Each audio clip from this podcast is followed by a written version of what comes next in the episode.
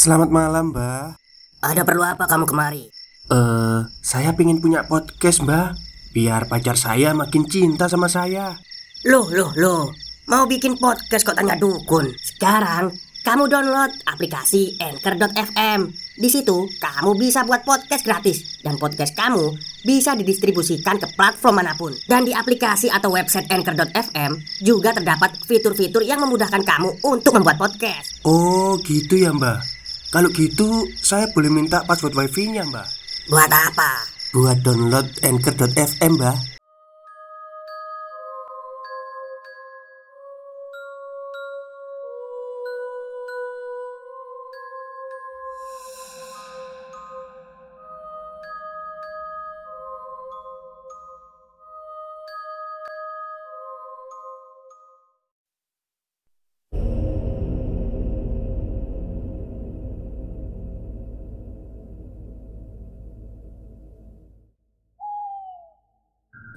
Assalamualaikum warahmatullahi wabarakatuh Halo semuanya, jumpa lagi dengan saya Chow Sing Sing, kurator dari Podcast Horror Night Story Halo, apa kabar semuanya? Semoga kalian semua sehat-sehat ya di sana ya Dan seperti biasanya Pada malam hari ini saya kembali dan akan membawakan sebuah kisah mistis untuk kalian semua. Kisah mistis kali ini saya datangkan dari tweet Twitternya Mbak Cinta Kirana tentang seorang anak yang hilang. Oke, daripada kita berlama-lama, mari kita simak ceritanya. Cerita ini saya dapat dari teman kerja saya yang berasal dari daerah Kabupaten Bandung. Demi kenyamanan semua pihak, detail tempat dan tokoh saya samarkan.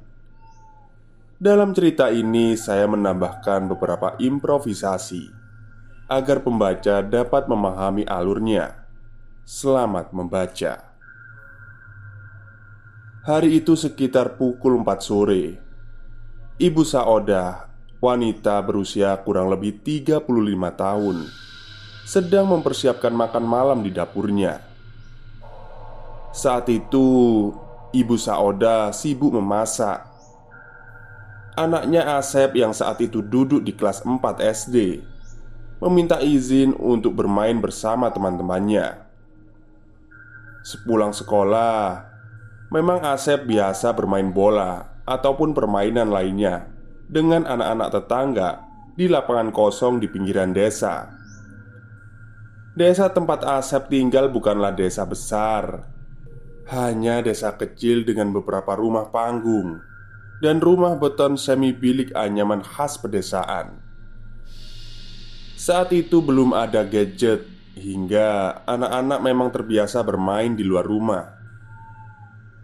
Menjelang maghrib biasanya Asep sudah pulang lalu mandi Dan pergi ke musola untuk mengaji Tapi hari itu Adzan maghrib telah berkumandang Dan langit mulai menggelarkan temaramnya Sedangkan Asep belum juga pulang Setelah selesai menunaikan sholat maghrib Ibu Saoda akhirnya berinisiatif untuk menyusul Asep ke lapangan yang ditempuh sekitar lima menit dengan berjalan kaki dari rumahnya. Terkadang ada hari di mana anak-anak bermain sampai lewat maghrib dan baru akan pulang setelah diomeli oleh orang tua mereka. Maklumlah, kalau lagi seru-serunya bermain bisa sampai lupa waktu. Tiba di lapangan, Ibu Saoda tidak mendapati seorang pun di sana. Ke mana perginya Asep? Batinnya dengan rasa khawatir, ia pun bergegas pergi ke musola. Alunan solawat terdengar saat ibu Saoda mendekati musola. Dicarinya Asep di antara anak-anak sebayanya yang sedang mengaji. Tapi Asep tak ada di sana. Pak Ustadz Sofyan yang menyadari kehadiran Ibu Saoda Mendekatinya dan bertanya Ibu cari siapa? Tanya Pak Ustadz Asep pak Asep datang ke musola tidak pak?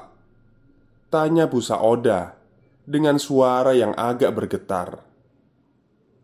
Tidak bu. Dari tadi Asep tidak di sini Jawab Pak Ustadz Pak Ustadz pun membantu Ibu Saoda Menanyakan Asep pada murid-muridnya. Namun Hari ini tidak seorang pun yang bertemu dengan Asep sepulang sekolah Bu Saodah pun mulai panik Lalu kemudian ditenangkan oleh Pak Ustadz Yang akhirnya mengantarkan dia menuju ke rumah Pak RT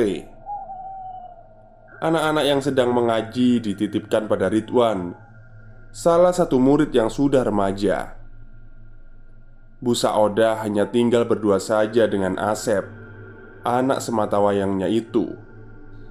Suaminya sudah meninggal beberapa tahun yang lalu. Setibanya di rumah Pak RT, mereka dipersilahkan masuk dan menjelaskan kejadian yang terjadi. Pak RT lalu menceritakan bahwa Asep sempat datang ke rumahnya untuk meminta izin mengambil beberapa buah mangga di halamannya. Di halaman rumah Pak RT memang terdapat satu pohon mangga yang besar Dan buahnya selalu ranum Menurut penuturan Pak RT Asep datang bersama dua orang anak sebayanya Sekitar pukul setengah lima sore. Pak RT sendiri belum pernah melihat kedua anak yang datang bersama Asep itu. Sehingga Pak RT menyimpulkan mungkin Dua anak tersebut datang dari desa sebelah Atau mungkin saudaranya Asep. Namun Ada yang aneh dari kedua anak itu Kulitnya nampak lebih putih dan pucat Dengan lingkaran mata yang samar-samar di sekitar mata Stop, stop Kita break sebentar Jadi gimana? Kalian pengen punya podcast seperti saya? Jangan pakai dukun pakai Anchor. Download sekarang juga. Gratis.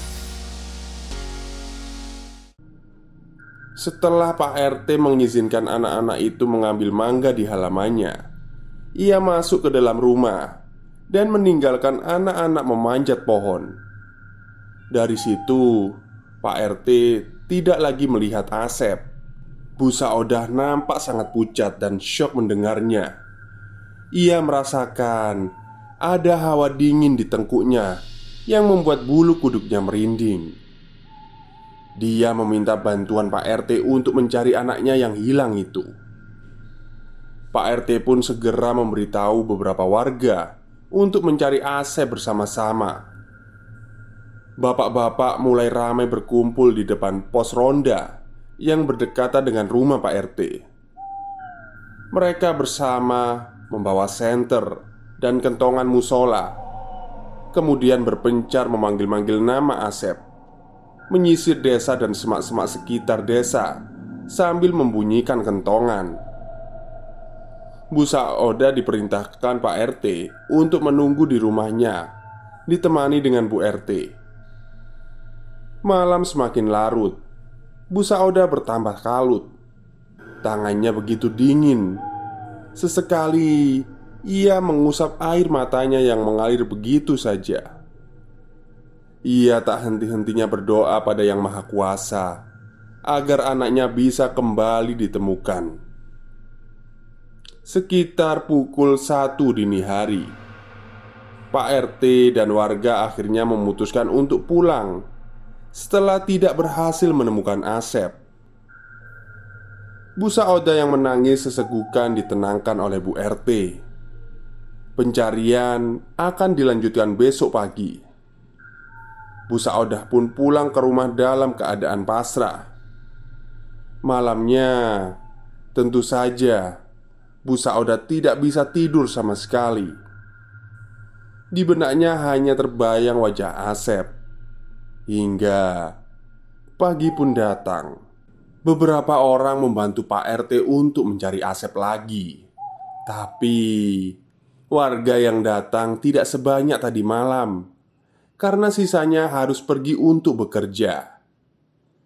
Salah satu warga mengusulkan pada Pak RT untuk mendatangi rumah Mbah Anom yang merupakan orang pintar dari desa sebelah untuk membantu proses pencarian.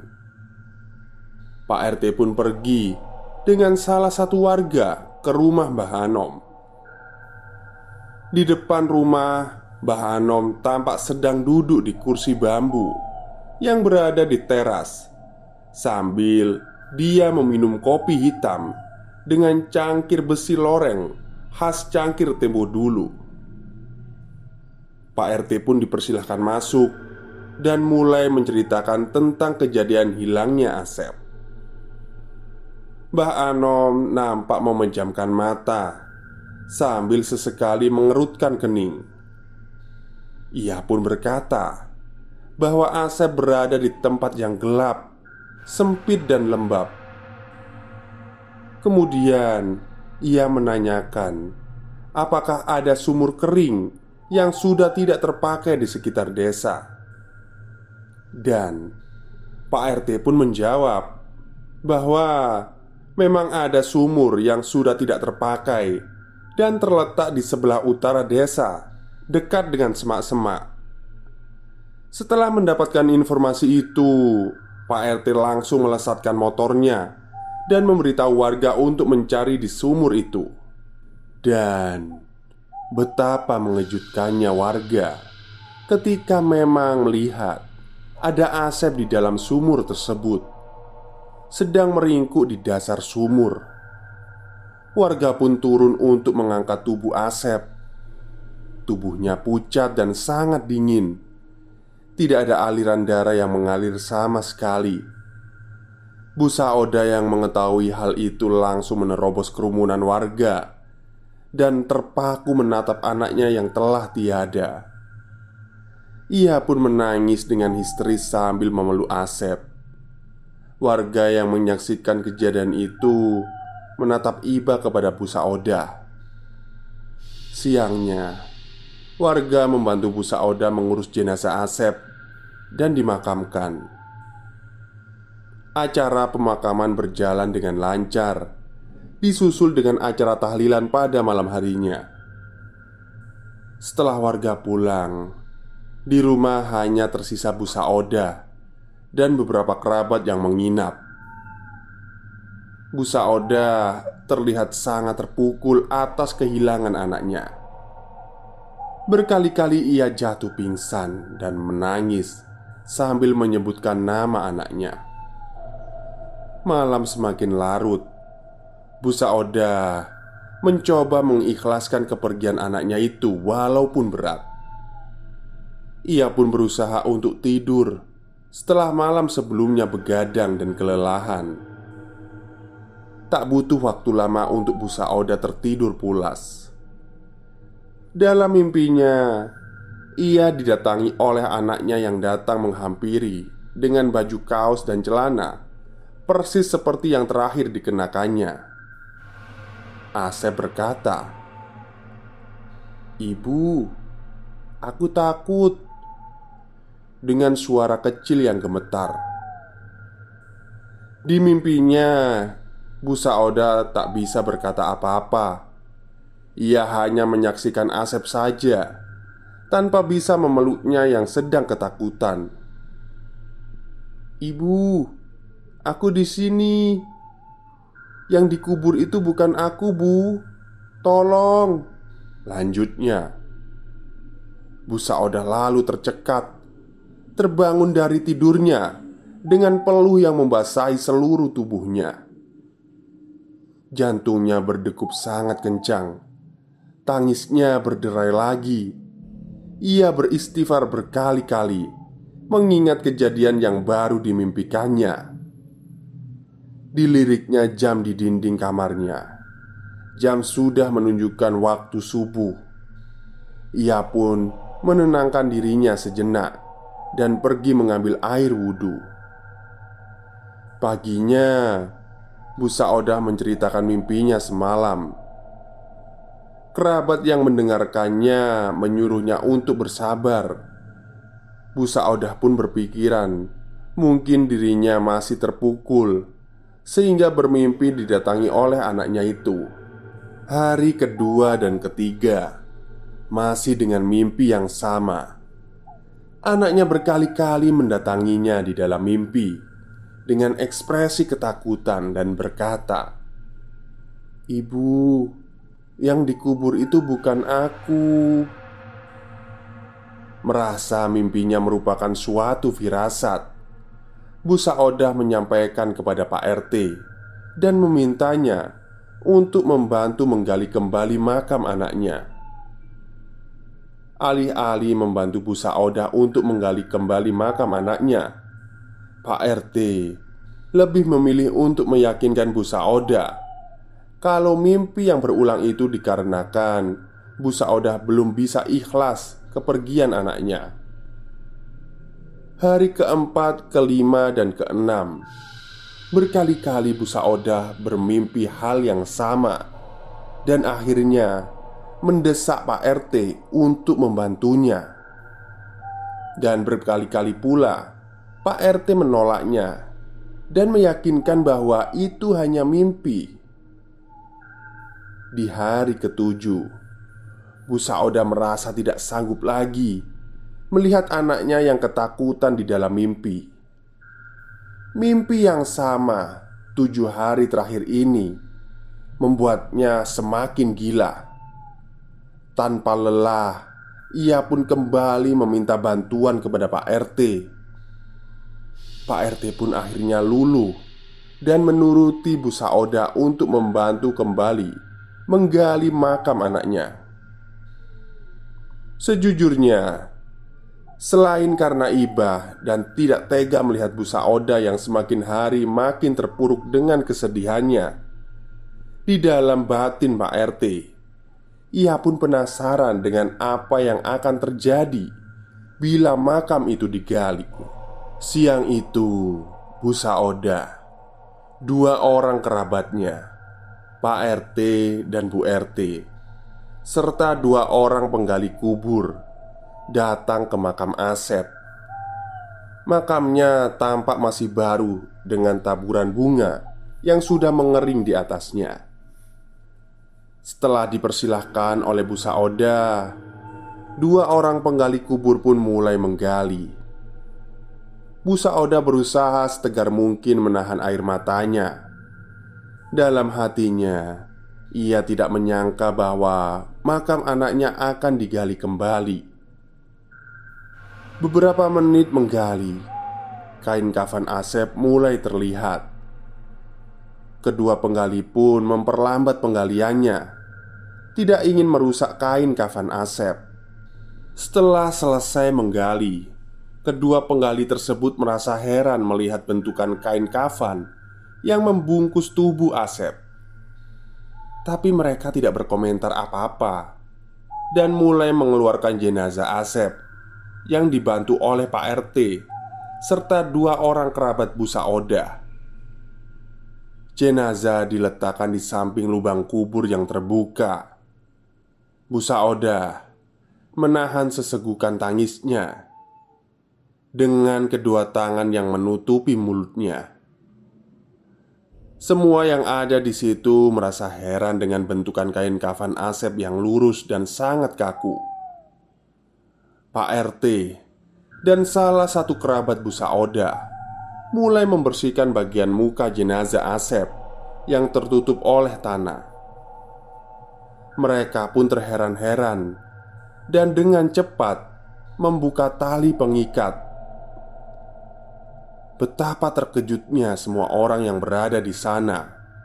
Melihat apa yang ada di dalam kain kafan Bukanlah jenazah Asep Melainkan Batang pohon pisang yang dipotong setinggi tubuh Asep. Busa Oda langsung lemas dan pingsan seketika. Kejadian ini tentunya menyebar dengan cepat ke seluruh penjuru desa bahkan sampai ke desa-desa lain. Hingga saat ini, tidak ada yang tahu pasti di mana keberadaan Asep. Ada yang bilang Asep diculik oleh makhluk halus. Ada juga yang bilang Asep dijadikan tumbal pesugihan. Entahlah. Yang pasti, Asep sudah tidak pernah datang lagi ke dalam mimpi Busa Oda. Ibu yang dikubur itu bukan aku. Tamat. Oke, itulah akhir cerita dari treat horror malam ini ya. Jadi ini masih misteri atas hilangnya si Asep ini. Tapi kok saya curiga ya sama si siapa itu dukunnya itu Mbah Anom yang dari desa sebelah itu. Ya, nggak tahu juga sih. Apa mungkin dia pelakunya atau orang lain? Tapi kita nggak boleh seudon sama orang lain. Oke mungkin itu saja cerita pada malam hari ini. Semoga kalian semua bisa terhibur. Dan mohon maaf bila saya ada salah dalam menceritakan. Selamat malam dan selamat beristirahat